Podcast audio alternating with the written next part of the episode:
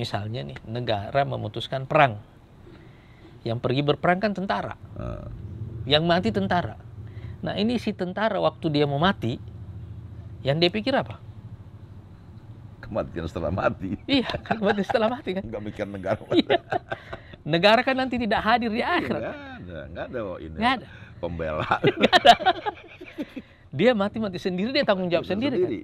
Jadi dia akan bertanya ke dalam dirinya, apakah saya berperang di jalan yang benar atau enggak? Hmm, Apakah ini kezaliman atau enggak? Iya kan? ya. Jadi agama dengan cara begitu memastikan orang itu jujur. Jujur kepada dirinya, jujur kepada kepada Allah Subhanahu wa taala. Itu yang memberikan agama wibawa spiritual yang tidak dimiliki oleh Hmm. negara. Makanya sebenarnya semakin jauh kita menarik negara ke ruang publik dan tidak memasuki ruang individu seperti itu, semakin hilang wibawa negara itu. Iya. Misalnya peraturan lalu lintas. Ah, Iya tiap kan? hari nikung di situ padahal dilarang. Iya. tiap hari jadi kebiasaan. Jadi kebiasaan iya. Dan kita juga tahu bahwa misalnya kita melanggar aturan lalu lintas. Tahu. Tahu kita tahu kan? Biasa aja. Kan kita nggak ada punya ketakutan apa-apa. Karena Ya, kita ada ya- polisi, polisi ya udah apa-apa. Tapi kan waktu puasa kita tidak dikontrol polisi Iya. kan? Enggak. Nah, sifat ibadah puasa yang begini ini ini yang membedakan agama dengan negara. Begitu dia dibawa ke dalam sistem sekarang bayangkan ada 2 miliar umat Islam di seluruh dunia sekarang yang nanti bulan Ramadan ini melakukan puasa. Hmm. Iya kan? Dan di itu di berbagai belahan dunia yang kurun waktu juga berbeda kan. Berapa Berbeda, ya. jam berpuasa tapi tetap dia lakukan. Misalnya yang nanti puasa ini kan cuma eh, belum masuk musim panas ya. Ah, Puasa di musim 14, panas itu kan bisa 16 jam. berapa jam itu kan. Iya. Tapi orang tetap melakukannya itu. Karena orang sadar itu. Ia da'u syahwatahu wa ta'amahu min ajli. Gitu. Nah, kan itu beriman kan itu ada ganjaran Allah berikan. Kalau nggak ada Iya. iman memang sulit. Susah ya. Puasa tuh nggak bisa kalau nggak ada iman. Nah, kan misalnya begini, kita sholat misalnya ya. Kan kita belum bisa memenuhi semua rukun-rukunnya. Hmm. Sholat itu kan. Tapi khusyuk kan sesuatu yang lain. Lain. Iya kan? Ya. Tapi sholatnya sah aja begitu kan. Tapi puasa seperti itu kita memenuhi rukunnya. Lapar itu terasa di badan. Keras. Iya kan? Tidak minum itu terasa di Terasa, badan, iya, seperti terasa di badan. Kita merasakan betul waktu kita berpuasa bahwa ini kalau bukan karena Allah kita tidak akan Iya. melakukannya. Iya kan? Dan lemes juga kan. Terasa itu. Terasa, ya. Terasa. Nah, tapi kalau misalnya kita kembali lagi tadi ke perang tadi itu ya. Hmm.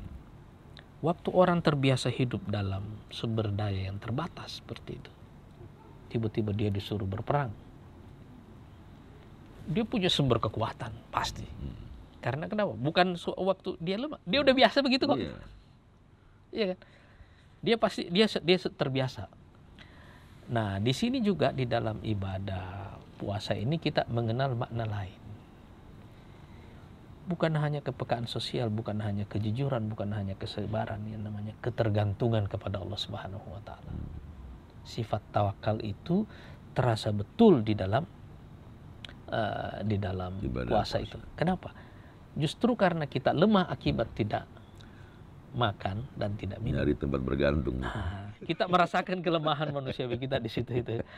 Itu mendekatkan kita kepada sumber kekuatan yang lebih Yang besar. lebih besar. Dari situlah orang mendapatkan sumber energi baru.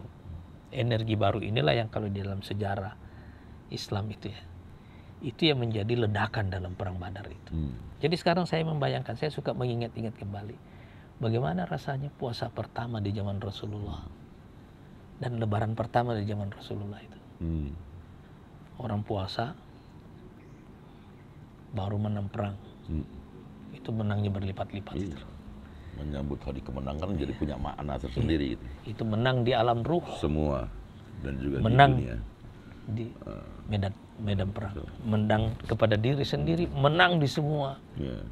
di semua segi, di semua medan.